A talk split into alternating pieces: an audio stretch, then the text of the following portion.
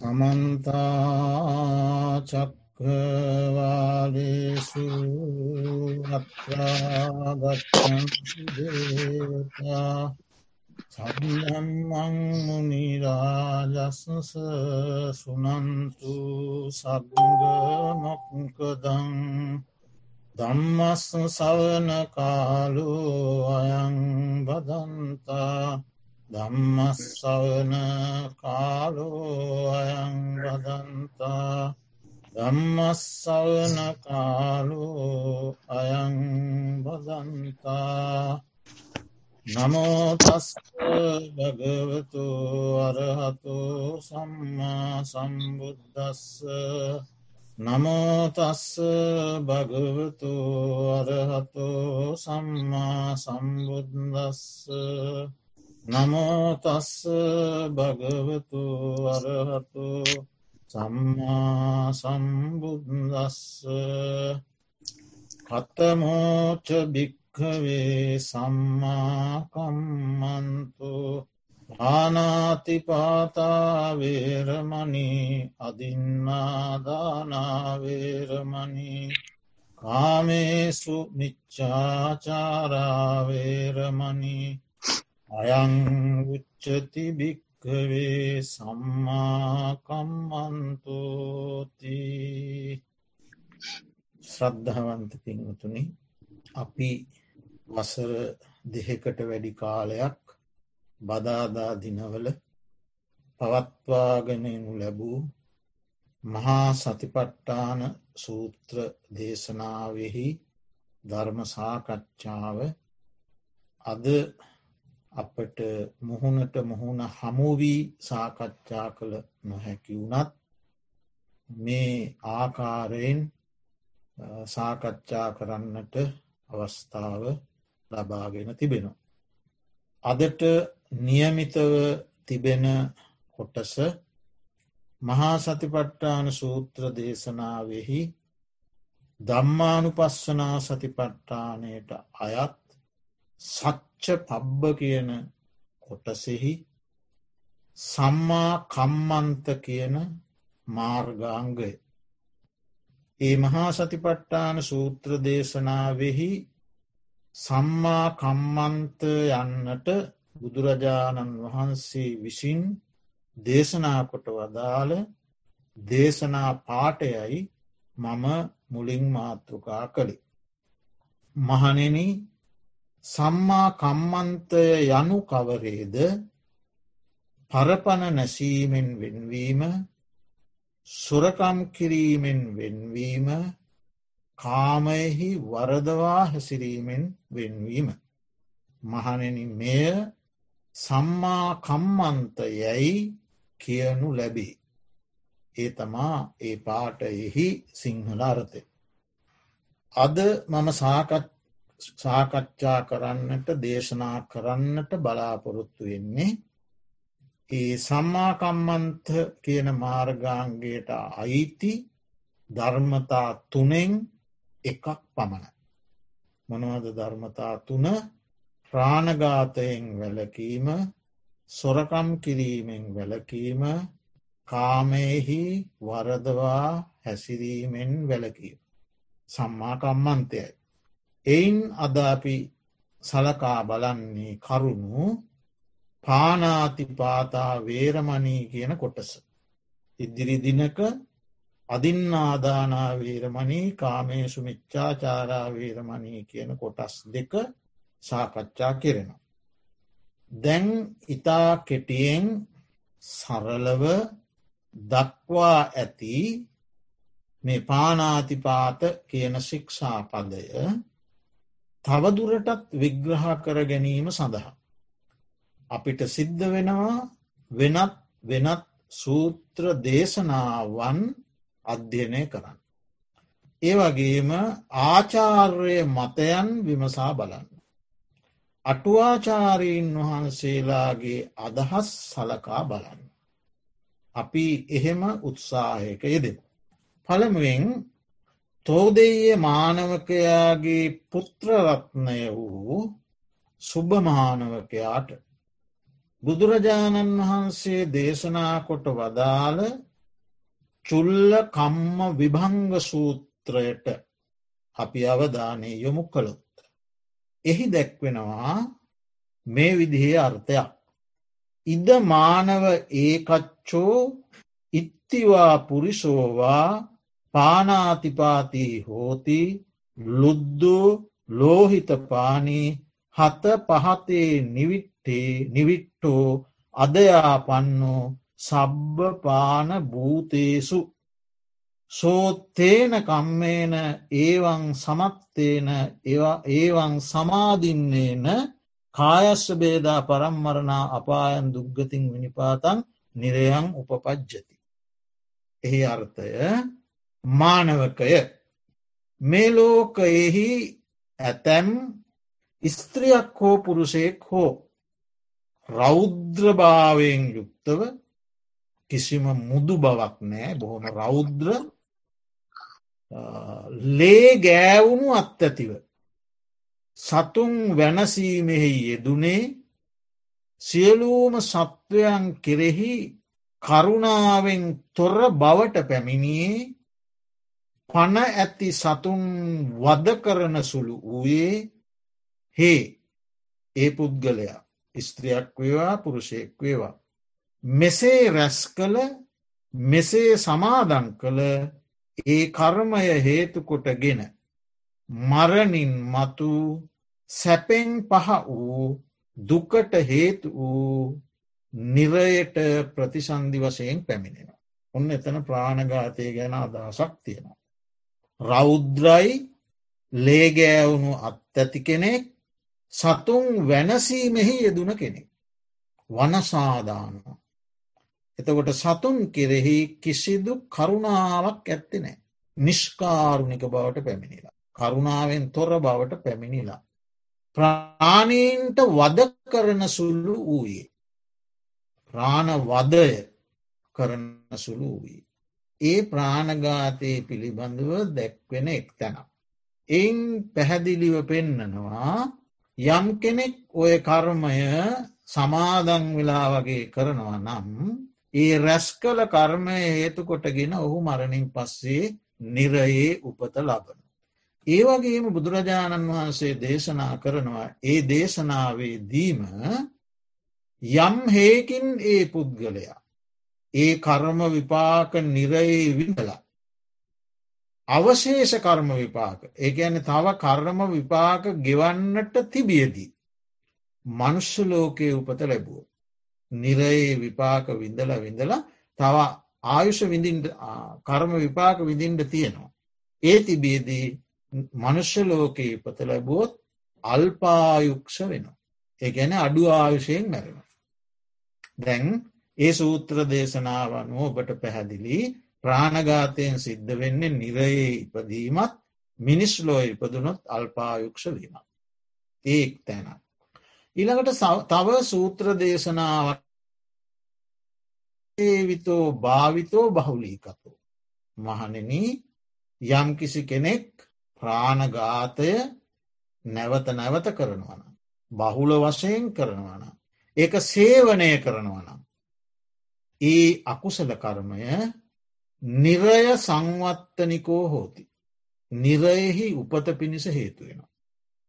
තිරච්චාන යෝනි සංවත්තනිකං හෝති සංවත්තනිකෝ හෝති. තිරිසං ලෝකයේ උපත පිණිස හේතුවෙනවා. පෙත්ති විසය සංවත්තනිකෝ හෝති. ප්‍රේත ලෝකයේ උපත පිණිස හේතුවෙන. ඔන්න ඒ සූත්‍ර දේශනාවේ ආකාර තුනක් දක්වනවා. නිරයෙහි තිරිසන්ලෝකයෙහි ප්‍රේතලෝකෙහි උපත පිණිස හේතුවෙනවා ප්‍රාණඝාතය නම් අකුසල කරමය. එපමනක් නෙමේ. යෝ සබ්බහු ලසෝ පානාති පාතස්ස විපාකෝ මනුස්ස භූතස්ස අප්පායුක්ක සංවත්තනිකෝ හෝති. ඔහු ඒ අකුසල කර්මයේ විපාක විඳින්නට තිබියදී ඉතිරිව තිබියදී මනුෂ්‍ය ලෝකයේ උපත ලැබුවොත් අල්ප ආයුෂයක් ගත කරලා මිය පරලෝ යන. අඩු ආයුෂයෙන් මැරෙනවා. එතෝට දැ මේ දේශනා දෙකම එකතු කරලා ගත්තම අපිට ගත හැකි අර්ථය තමයි නිරය තිරිසං ප්‍රේත නිකායවල උපදින්නතත් අල්පායුක්ෂ බවටත් ප්‍රාණගාතය හේතු වෙන. දැන් මේ ප්‍රාණගාතය සිදු කරන ආකාරකීපයක් විනය පිටකයේ පාරාජිකාපාලයේ සඳහන් වෙනවා. ආකාර හයක්. අතිංම මරන්ටෝන් නෑ කෙනෙ. ප්‍රාණගාතය සිදුවන ක්‍රම. එක සාහත්තික තමන්ගේ අතින්ම තමන්ගේ කයම හේවලා කුමන හෝ උපක්‍රමයකින් ආයුදයකින් වේවා දඩුමුගුරකින් වේවා වෙනත් උපක්‍රමකින් වේවා තමන්ගේ අතින් කෙනෙක් මරණ. සාහත්තික. දෙක ආනත්තික තමන් මරන්නේ. තවත් කෙනෙකුට මරන්නට අන කරනවා. නියෝග කරනවා. ඒ දෙවනි ක්‍රමේ. දැම් මේ අවුරුදු දෙදස් ගාන පැරණුනාට මේ අදත් අපිට දකින්න බැරිද. පුළුවන්. ආනත්තික අන කරනවා. තුන නිස්සක්ගික නිස්සක්ගික ඒ යන්නේ ඈත දුරඉන්න සතෙකුට හෝ මනුෂ්‍යයකුට හෝ දණ්ඩක් අතටගෙන හෝ ඊතලයක් අතටගෙන හෝ තුවක්වක් අතටගෙන හෝ දුර සිටින කෙනෙක් ඉලක්ක කරලා ඈතින් නිදල කරන මරණය. නිස්සක්ගික. හතර තාවර උගුල් අටවලා ලිම් පොකුණුවලට වස විස මිශ්‍ර කරලා තවත් නානාවිද උපක්‍රම මගින් වස විස ආහාර පානවලට ඇතුල් කරවලා. ක්‍රමාණුකූල සැලසුමක් තුළින් කරන මරණය. තාවර මරණය. පහ විජ්ජාමය විජ්ජාමය මන්ත්‍ර ශාස්ත්‍ර බලයෙන් කරන්න වූ මරණ. හය ඉද්දිමය හූනියන් ගුරුකම් ආදී විවිධාකාර වූ සැඟවුන ක්‍රියාවල් වලින් සිදු කරන මරණ. ඔය කුමන ක්‍රමයකින් හෝ මරණ චේතනාවෙන් යුක්තව ඔය හය ආකාරයෙන් කුමන ආකාරයකට යටත්ව හෝ මරණයක් සිද්ධ කළොත් ඒක ප්‍රාණඝාතයක්. හැබැයි චේතනාව තියෙන්ට ඕන. ඊළඟට මේ මරණය සිදු කිරීමට නැත්තම් ප්‍රාණඝාතය කිරීමට හේතුවන නැත්තං උපකාරවන නැත්නම් ඒ මරණය ප්‍රාණඝාතයක් බවට පත්වීමට ස්තීරෝම පත්වීමට උපකාරවන කරුණු පහක් තියෙනවා. සතෙක් වෙන්න ඕන සතෙක් බව දැනගන්ටූනේ සතා මැරීමේ චේතනාවතියෙන්ට ඕනේ ඒ සතා මැරීමේ උපක්‍රමයක් සොයන්න ඕනේ සොයල ක්‍රියාවට නංවන්ඩ ඕනේ ඒ උපක්‍රමයෙන් ඒ පුද්ගලයා හෝ සත්වය මැරෙන්ටෝන. සතෙක් වෙන්ඩෝන සතෙක් බව දැනගණ්ඩෝන මරණ චේතනාවත්තියෙන් ඕන උපක්‍රමයක් ක්‍රියාත්මක් කරන්න ඕන ඒ උපක්‍රමයෙන් සතා මැරෙන්ඩෝ. එතකොට ප්‍රාණඝාතය සිද්ධවෙන. ඊළඟට යම් කෙනෙක් සතෙක් බව දන්නෙත් නැත්නම් මරණ චේතනාවකුත් ඔහුට නැත්නම් ඔහු උමතු පුද්ගලයෙක් නම් ප්‍රාණගාතය සිද්ධ වෙන්නේ. සිද්ධ නොවීමට අවස්ථා තුනක්. මරණ ස්ටිතක් නෑ සතෙක් බව දන්නෑ ඔහු උමතු කෙනෙක්. කැන පිස්සෙක් උම් අත්තක කෙනෙ. ප්‍රාණගාතයෙන් නොවීමේ හේතු. සහ ප්‍රාණඝාතයක් සම්පූර්ණ වීමේ හේතු ඒ ආකාරයෙන් දක්වන. ඊළඟ කාරණය. ඒක ගැටලු සහගතවෙන්ට පුළුවන් නමුත් සූත්‍ර දේශනානුව ගැටලුවක් නෑ. කාලාම සූත්‍රයේදීත් තවත් ධර්මයේ සන්දිිට්ටික බව බුදුරජාණන් වහන්සේ විසින් බුදුරජාණන් වහන්සේගෙන් යම් යම් බ්‍රහක්මනය හෝ විමසපු අවස්ථාවලදී. මොකක්ද මේ ධර්මය සන්දිිට්ටිකය සන්දිිට්ටිකයි කිය. අකාලිකයි අකාලිකයි කියන්. ඒ විමසපු අවස්ථාවේදී කාලාම සූත්‍රයේදීත් බුදුරජාණන් වහන්සේ දේශනා කරනවා ලුද්දෝපනායන් කාලාමා පුරිෂපුග්ගලෝ ලෝබේන අභිභූතෝ පරියාදින්න චිත්තෝ පානම්පි හන්ති අදින්නම්පි ආදියති පරදාරම්පි ගච්චති මුසාපි බනති පරම්පි තතත්තාය සමාධපේ. කාලාමය ලෝබයෙන් මැඩුණු සිත් ඇති. ලෝබයෙන් යටපත් වූ සිත් ඇති. පුරුෂ පුද්ගලයෝ ඒ ලෝභය හේතු කොටගෙන. ලෝභය මූලික කොටගෙන. ලෝභය ප්‍රධාන කොටගෙන සතුම් මරණ හොරකම් කරනවා. කාමයේ වර්දව හැසිවෙනවා. බොරු කියනවා. අන්න අයද ඒ වරදෙහි සමාදන් කරවන. ඔවුන්ට එය දීර්ඝක කාලයක් අහිත පිණිස දුක් පිණිස පවතිනවා. ඊළඟට බුදුරජාණන් වහන්සේ දේශනා කරනවා දුට්ටෝකෝ කාරන්න කාලාම. ඊළඟට දේශනා කරනවා මුල් හෝකෝ මෝහේන කාලාම. දුට්ටෝකෝ දෝසේන මුල් හෝකෝ මෝහේන. ඒ කියන්නේ දවේශයෙන් දුෂ්ට වූ සිත් ඇති පුරුෂ පුද්ගලය. ඒ දවේශය මුල් කොටගෙන. දවේශය ප්‍රධාන කොටගෙන සතුම් මරනවා හොරකම් කරනවා. කාමහේ වරදව හැසිරෙනවා. බොරු කියනවා. අනිත් අයත් ඒ වර්දෙහි සමාදන් කරවන. ඒ වගේම මෝහයෙන් මුලා වූ සිත් ඇති පුරුෂ පුද්ගලයෝ. මෝහයෙන් යටපත් වූ සිත් ඇති පුරුෂ පුද්ගලයෝ. මෝහයෙන් මැඩ්ඩුණු සිත් ඇති පුරුෂ පුද්ගල. දැන් ඒ දේශනාවේද අපිට පැහැදිලි ඒ දේශනා පාට තුනේම තියෙනවා පානම්පි හන්ති ප්‍රාණගාතය. පරපණ නසනු. හේතු තුනයි. මොනවද හේතු තුන ලෝභය දවේශය මෝහය. ලෝභයෙන් මැඩුණු සිත දවේශයෙන් මැඩුණු සිත මෝහයෙන් මැඩුණු සිත. එතවට යම්කිසි කෙනෙක් මස්කෑමේ ආසාාවෙන් හෝ රස තෘෂ්ණාවෙන්. එහෙම නැත්තං මස්මරා විකුණා මුදල්ලි පැීමේ ආසාාවෙන් හෝ. රසතෘෂ්ණාවෙන් හෝ මුදල්ලි පැීමේ ආසාාවෙන් හෝ. සතුම් මරණවනන් ඒ මර ඒ සත්වඝාතනයට ප්‍රධාන වෙන්න ලෝබය. රක්ෂ තෘෂ්ණාව. මුදල් ලිපීමේ ආශාව. ඒ වගේ මැඩිලා සතුම් මරණවා. ලෝකයේ කොච්චර කරනවා.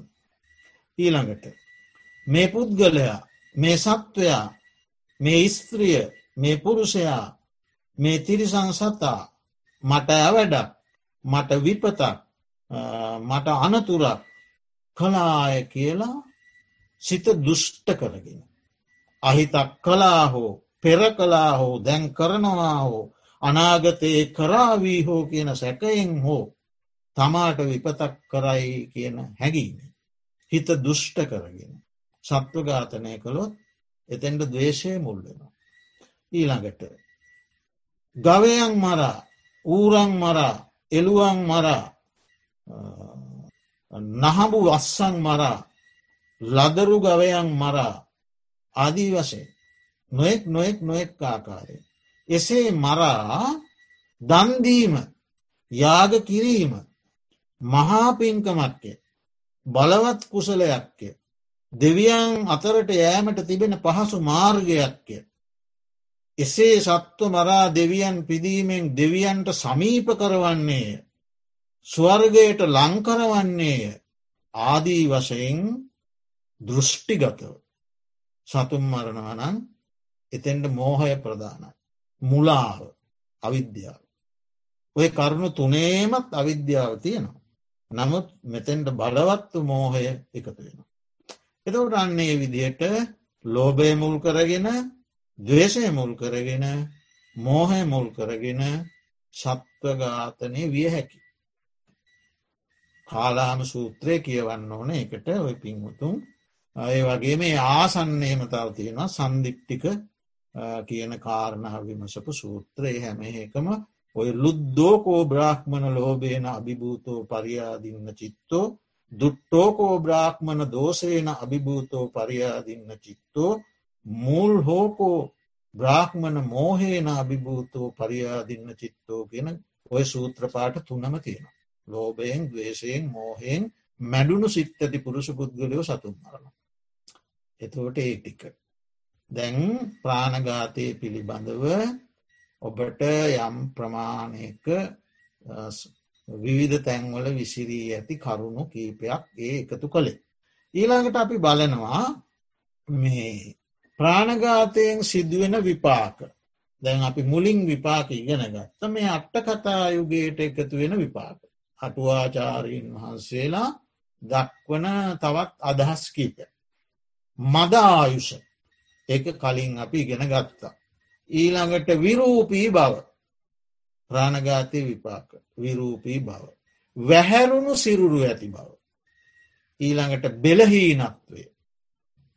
ප්‍රසාදය නූපදින සිරුර දැකුම් කලුනේ ප්‍රාණඝාතය විපාක දැකුම් කලුනේ. පතුල්වල ලොකු වලක් තියෙනවා. අටුවා විදක්වන්න. එකන පතුල හරියට බිම ස්පර්ශ වෙන්නේ නෑ. බිමට තිබ්බම මුළු පතුලම ස්පර්ශ වෙන්නේ. ලොකු වලක් තියෙනවා පතුල මැද. මුලයි අගයි අත්තර. ඒ ප්‍රාණඝාතය විපාක වශයෙන් දක්වන්න. ප්‍රාණඝාතයෙන් වැලකීම ආනිසංස යම් කිසි කෙනෙක් පරපණ නසීමෙන් වලකිනවන. සම්පූර්ණ පිරුණු සිරුර මනා අගපසඟ ඇති සිරුරක්. ආරෝහ පරිනාහ දේහ සම්පත්තිය. හොඳ ශක්ති සම්පන්න ශරීරයක්. පාද සමව පොළවේ පිහිටන බවක්. සිත්ගන්නා සුළු පෙනුමක්. මුදු ගති ඇති බවක්. හරි මුදු ගති පරුෂණය මුදු ගති ඇති බවක්. පිරිසිදු ශරීරයක් බල සම්පන්න සූර පුද්ගලේ ඔහු කියන වචන ඕන කෙනෙක් විශ්වාස කරන විශ්වාස කරන වචන ඇති බව. තැත්ති නොගන්නා බවක් නෑදෑ හිතමිතුරු ආදී පරිවාර සම්පත්තුලින් අඩුපාඩුවක් නැති බවක්. ආබාධ අඩු බවක්. ලෝකයා ප්‍රිය කරන බවක්. දීර්ඝායුෂ ඇති බවක්. ඔය ආදී වශයෙන් තව දක්වලා තිබෙනවා ඔය ප්‍රාණඝාතයෙන් වැලකීමේ ආනිසංස. ඉතිං ඒ විදිහට ධර්මයේ බොහෝ දේශනාවල පාන අතිපාත ප්‍රාණ කියන ප්‍රාණි ප්‍රාණයක් බව ප්‍රාණයක් ප්‍රාණයක් තියෙන බව. අතිපාත කියන නැසීම. පාන අතිපාත ප්‍රාණය නැසීම. කියන කාරණය සම්බන්ධව ඔය ආකාරයේ ඉගැන්වීම් අපේ දේශනා තුළ දැක්වෙනවා. දැන් යම් කිසි කෙනෙක් ඔය කියන ලද කරුණු තේරුම් අරගෙන හෝ තේරුම් නොගෙන හෝ ප්‍රාණඝාතයෙන් වලකිනවා. ඒ වැලකීම ඇත්ත වශයෙන්ම විශාල කුසලයක්. බුදුරජාණන් වහන්සේ මේ ප්‍රාණඝාතයෙන් වැලකීම පිළිබඳව දේශනා කළා මේ විදියට. පානාති පාතන් පහාය පානාති පාතා පටිවිරතු. පරපැන නැසීම ප්‍රහාණය කරන. දුරු කරනවා. පරපණ නැසීමෙන් මුළුමනින්ම වලකින යම් කිසි පුද්ගලේ. නිහිත දණ්ඩෝ නිහිත සත්තු ලජ්ජී දයාපන්නු. සබ්බ පාන භූත හිතානු කම්පී විහරති. ප්‍රාණඝාතයෙන් වැලකිලා ප්‍රාණඝාතය දුරු කරලා ප්‍රාණඝාතය අතහැරලා දඩුවම් දඩු දඩු දඩු මුගුරු මුළු මනින්ම බිම තබන. නැත්ත ඒවා ඉවතදානවා. සතෙක් මරණයට පත්කිරීම සඳහා කිසි ලෙසකින්වත් දණ්ඩක් මුගුරක් අතට ගන්න නෑ කියන අර්ථය. සත්ව ඝාතනය උදසා දණ්ඩක් අතට ගන්න. නිහිත සත්තෝ ඒ කියන්නේ සැත් ආයුද මුල්ලු මනින්ම බිම තබනවා. සතෙක් ඝාතනය කිරීම සඳහා මොන්නම්ම ලෙසකින්වත් සැතක් අතට ගන්න ආයුධයක් අතට ගන්නේ නෑ. ලජ්ජී සත්ව ඝාතනයෙහි ලජ්ජාව ඇති කරගන්නවා. ලැජ්ජාවෙනවා.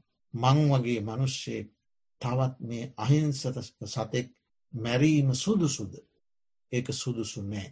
කියල තමා පිළිබඳවම ඒ අකුසලේ පිළිබඳව මහත් ලැජ්ජාවක් ඇති කරගන්න. දයාපන්නෝ සත්වයන් කෙරෙහි කාරුණික බවට පැමිණෙනවා. කරුණාව කියන එක ඇතිවෙන්නේ දුක්ක දැකීමෙන්. පර දුක්කේ සත්තු සාධූන හදයන් කම්පෙන්තීති කරුණ. අනුන්ගේ දුක දැකලා හදවතෙහි ඇතිකරගන්නා වූ කම්පාව.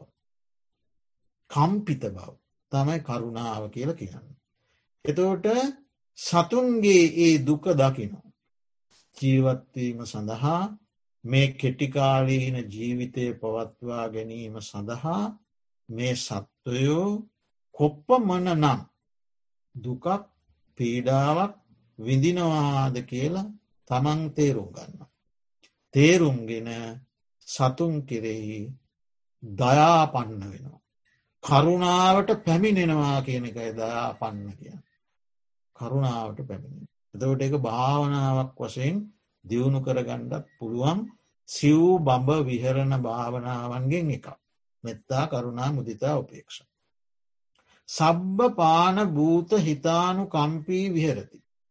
සියලූම ප්‍රාණීන් කෙරෙහි සියලූම සත්වයන් කෙරෙහි හිතානුකම්පාව දියුණු කරගන්න. හිත අනුකම්පාව. හිතයිශී බව සහ අනුකම්පාව ඇති කරගන්න. අන්න එතකොට තමයි ප්‍රාණගාත ශික්ෂාපදය පානාතිපාතා වේරමණී කියන ශික්ෂාපදය පරිපූර්ණ වෙන්නේ. සතුන් මැරීමෙන් වැලකුණා දුරුවුණා ආයුද්ධ බිම තැබුවා දඩුම ගුරු බිම තැබුවා ලජ්ජාව ඇති කරගත්තා කරුණාව දයාව ඇති කරගත්තා සියලු සතුන් කෙරෙහි හිතානුකම්පියෝ ආශය කළ. එයා දුරුකිරීමයි වැඩීමයි දෙකම කරන කෙනෙ. නොකළ යුත්ත අතහරිනවා කළ යුත්ත දියුණු කරනවා.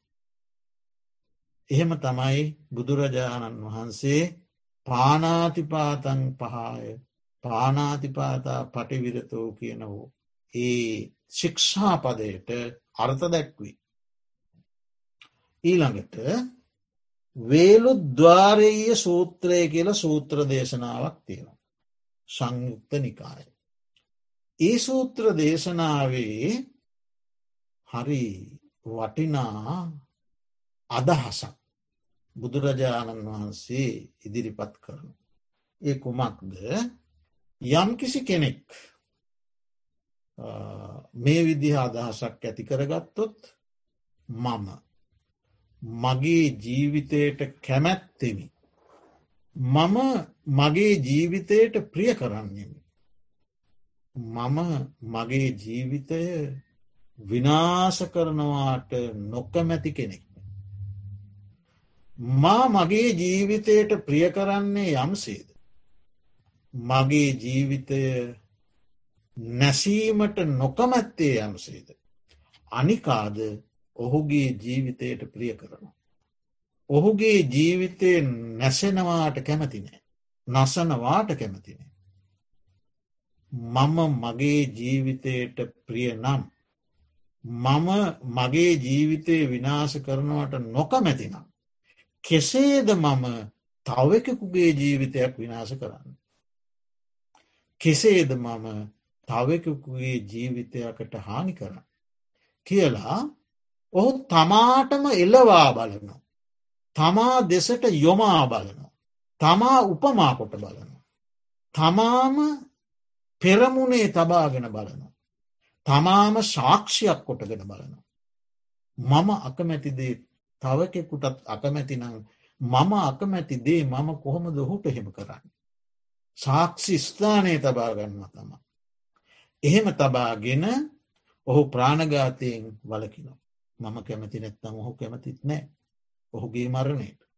වැලකිලා එතනින් පස්සේ හෝ කෙලවරවල් තුනක් පිරිසිදු කරනවා. කෙලවරවල් තුනයි මොනවද කෙලවරවල් තුන. එක තමන් වලකිනවා. ඔන්න දැන් තමන්ගේ පැත්ත පිරිසුදුයි. දෙක අන් අයටත් ඒ කුසලේ සමාදන් කරවන. ඔබ සතුම් මරන් එපා. සතුන් මැරීම හානි කරයි. සතුන් මැරීම ඔබට අවඩක්සේම අනිකාටත් අවඩක්.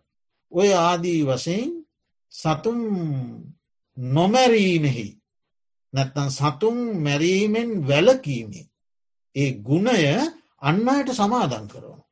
අන්න දැන් වූ සත්පුරුෂ බවටත් ඇවිල්ල. එතවට ඔහුගේ දෙවැනි කෙලවරත් පිරිසිදුයි. තමනුත් පිරිසිදුයි අන්න අය පිරිසිදු කරවීම සඳහාව කටයුතු කරන. දෙපැත්තක් පිරිසිදුයි.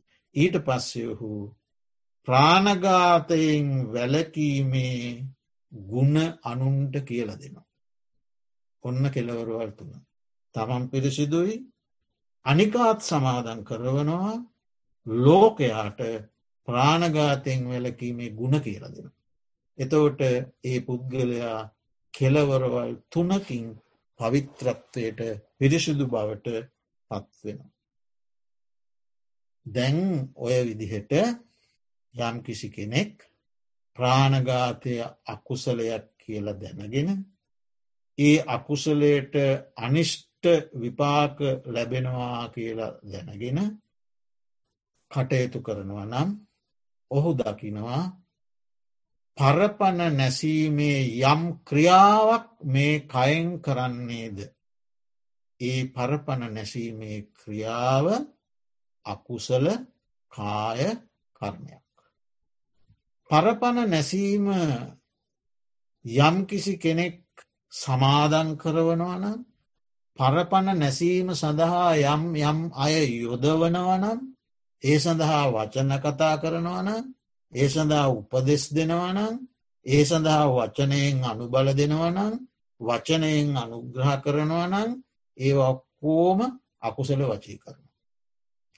පරපන නැසීමේ සිතුවිලි චේතනා තමන්ගේ චිත්ත සන්තානය තුළ නිතර නිතර වැඩෙන්න්නට දෙනවනම් වඩනවනම් එ ඔක්කොම අකුසල මනෝ කර්ම. ඉතිං ඒවා අකුසලකායකර්ම අකුසල වචීකර්ම අකුසල මනෝකර්මනං ඒවා ඔක්කොම අධර්මික කර්ම. අදම්මික කායකර්ම. අදම්මික වචීකම්ම. අදම්මික මනෝකම්ම. ඒ එකක්වත් ධර්මානුකූල කර්ම නෙවෙයි. අදම්මිකයි. එතකොට කායකර්ම වචීකර්ම මනෝකර්ම අධාර්මික ලෙස පවත්වන ජනයා ලෝකයේ තුළ බහුල වෙන්න බහුල වෙන්න බහුල වෙන්න අකුසලකායකර්ම ලෝකයේ තුළ වැඩෙනවා වැඩි. අකුසල වචීකර්ම ලෝකයේ තුළ වැඩෙනවා වැඩි. අකුසල මනෝකර්ම ලෝකයේ තුළ වැඩෙනවා වැඩි.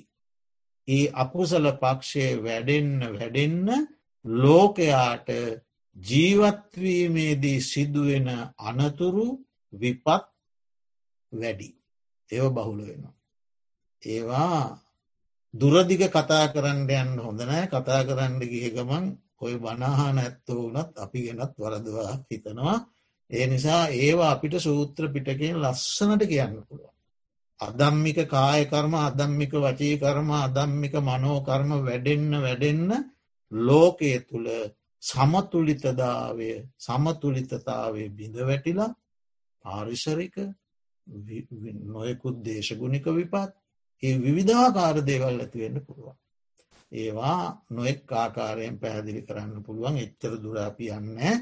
ඉතින් දැම් මේ විදිහට යම්කිසි කෙනෙක් ඔය අදම්මික මේවා අදම්මික කායකර්ම අදම්මික වචීකර්ම අදම්මික මනෝකර්ම ප්‍රාණඝාතය අකුසලයක් ඒ අකුසලයන්ට මේ මේ විදියේ විපාකවාර සකස් වෙනවාය ආදී වසයෙන් යම්කිසි කෙනෙක් අදහනවන විශ්වාස කරනවන පිළිගන්නවන එයා ඒ ප්‍රාණඝාත ආදිය තුළින් ඇතිවෙන විපාක යම් මට්ටමකින් හෝ තේරුම් අරගෙන එයා ඒ ප්‍රාණඝාතයෙන් වලකිනවාන එයා ඉන්න සම්මාධිට්්‍යය තුළ ලෝකෝත්‍ර සම්මාධිට්්‍යයක් නෙවෙයි නමුත් ඔහු කම්මස්සකත සම්මාධිට්්‍යය තුළ ඉන්නවා. කර්මය සහ කර්මඵලයහු විශ්වාස කරන. මේවා අහිත පිණිස පවතින දුක් පිණිස පවතින අවැඩ පිණිස පවතින දේවල් කියලහු විශ්වාස කරනවා. ඒ නිසා හු ඉන්න සම්මාධිට්්‍යය තුළ. ඒ සම්මාධිට්්‍යය තුළ සිටින මේ සත්පුරුෂයා ප්‍රාණඝාතයෙන් වැලකෙන්න්න වැලකින් හොට වැඩෙන්නෙ කුසා. ඉතිං ඒ සත්පුරුෂ පුද්ගලයා ප්‍රාණඝාතයෙන් වැලකීම පිළිබඳ යම් වචනයක් කතා කරනවා නම් ඒවා සම්මා වාචා. ප්‍රාණඝාතයෙන් වැලකීලා මයිත් සියලූම ලෝක සත්ව සමූහයා කෙරෙහි සමාන සිතින් යුක්තෝහු මෙත් වඩනවන. ඔහු ව්‍යාපාද සංකල්පනාව දුරු කරන කෙනෙක්. සියලු සතුන් කෙරෙහි මා මෙන්ම අනිකුත් සියලු සත්වයෝම ජීවිතය ප්‍රිය කරන්න ඔය මා ඒ සියලු සත්වයන්ට දයාව අනුකම්පාව දැක්වේ යුත්තේ යන සංකල්පනාව ඔහු තුළ ඇතිවුණොත් ඒක සම්මා සංකප්පය එකට කියන අව්‍යාපාද සංකල්ප. එතකොට දැන් ඔහු තුළ සම්මා දිට්ටිය තියෙනවා. ඔහු තුළ සම්මා සංකප්පයක් තියෙනවා. ඒවගේ මොහු අන් අය ප්‍රාණගාතයෙන් වැලැක්වීම සඳහා අවවාද අනුශාසනා වචන කතා කරනවන. ඒවත් සම්මා වාචා ප්‍රාණගාතයෙන් වැලකීම සම්මා කම්මන්තය. ඒ සම්මා කම්මන්තය තුළ නැවත නැවත නැවත නැවත පිහිටා සිටින්නට උත්සාහා දරන ඒ තුළ නංවා සිටින්නට උත්සාහ කරන්නේ සම්මා සතිය. ඒ ඒ කුසලේම ඔහුගේ සිත ඔසවා තබන.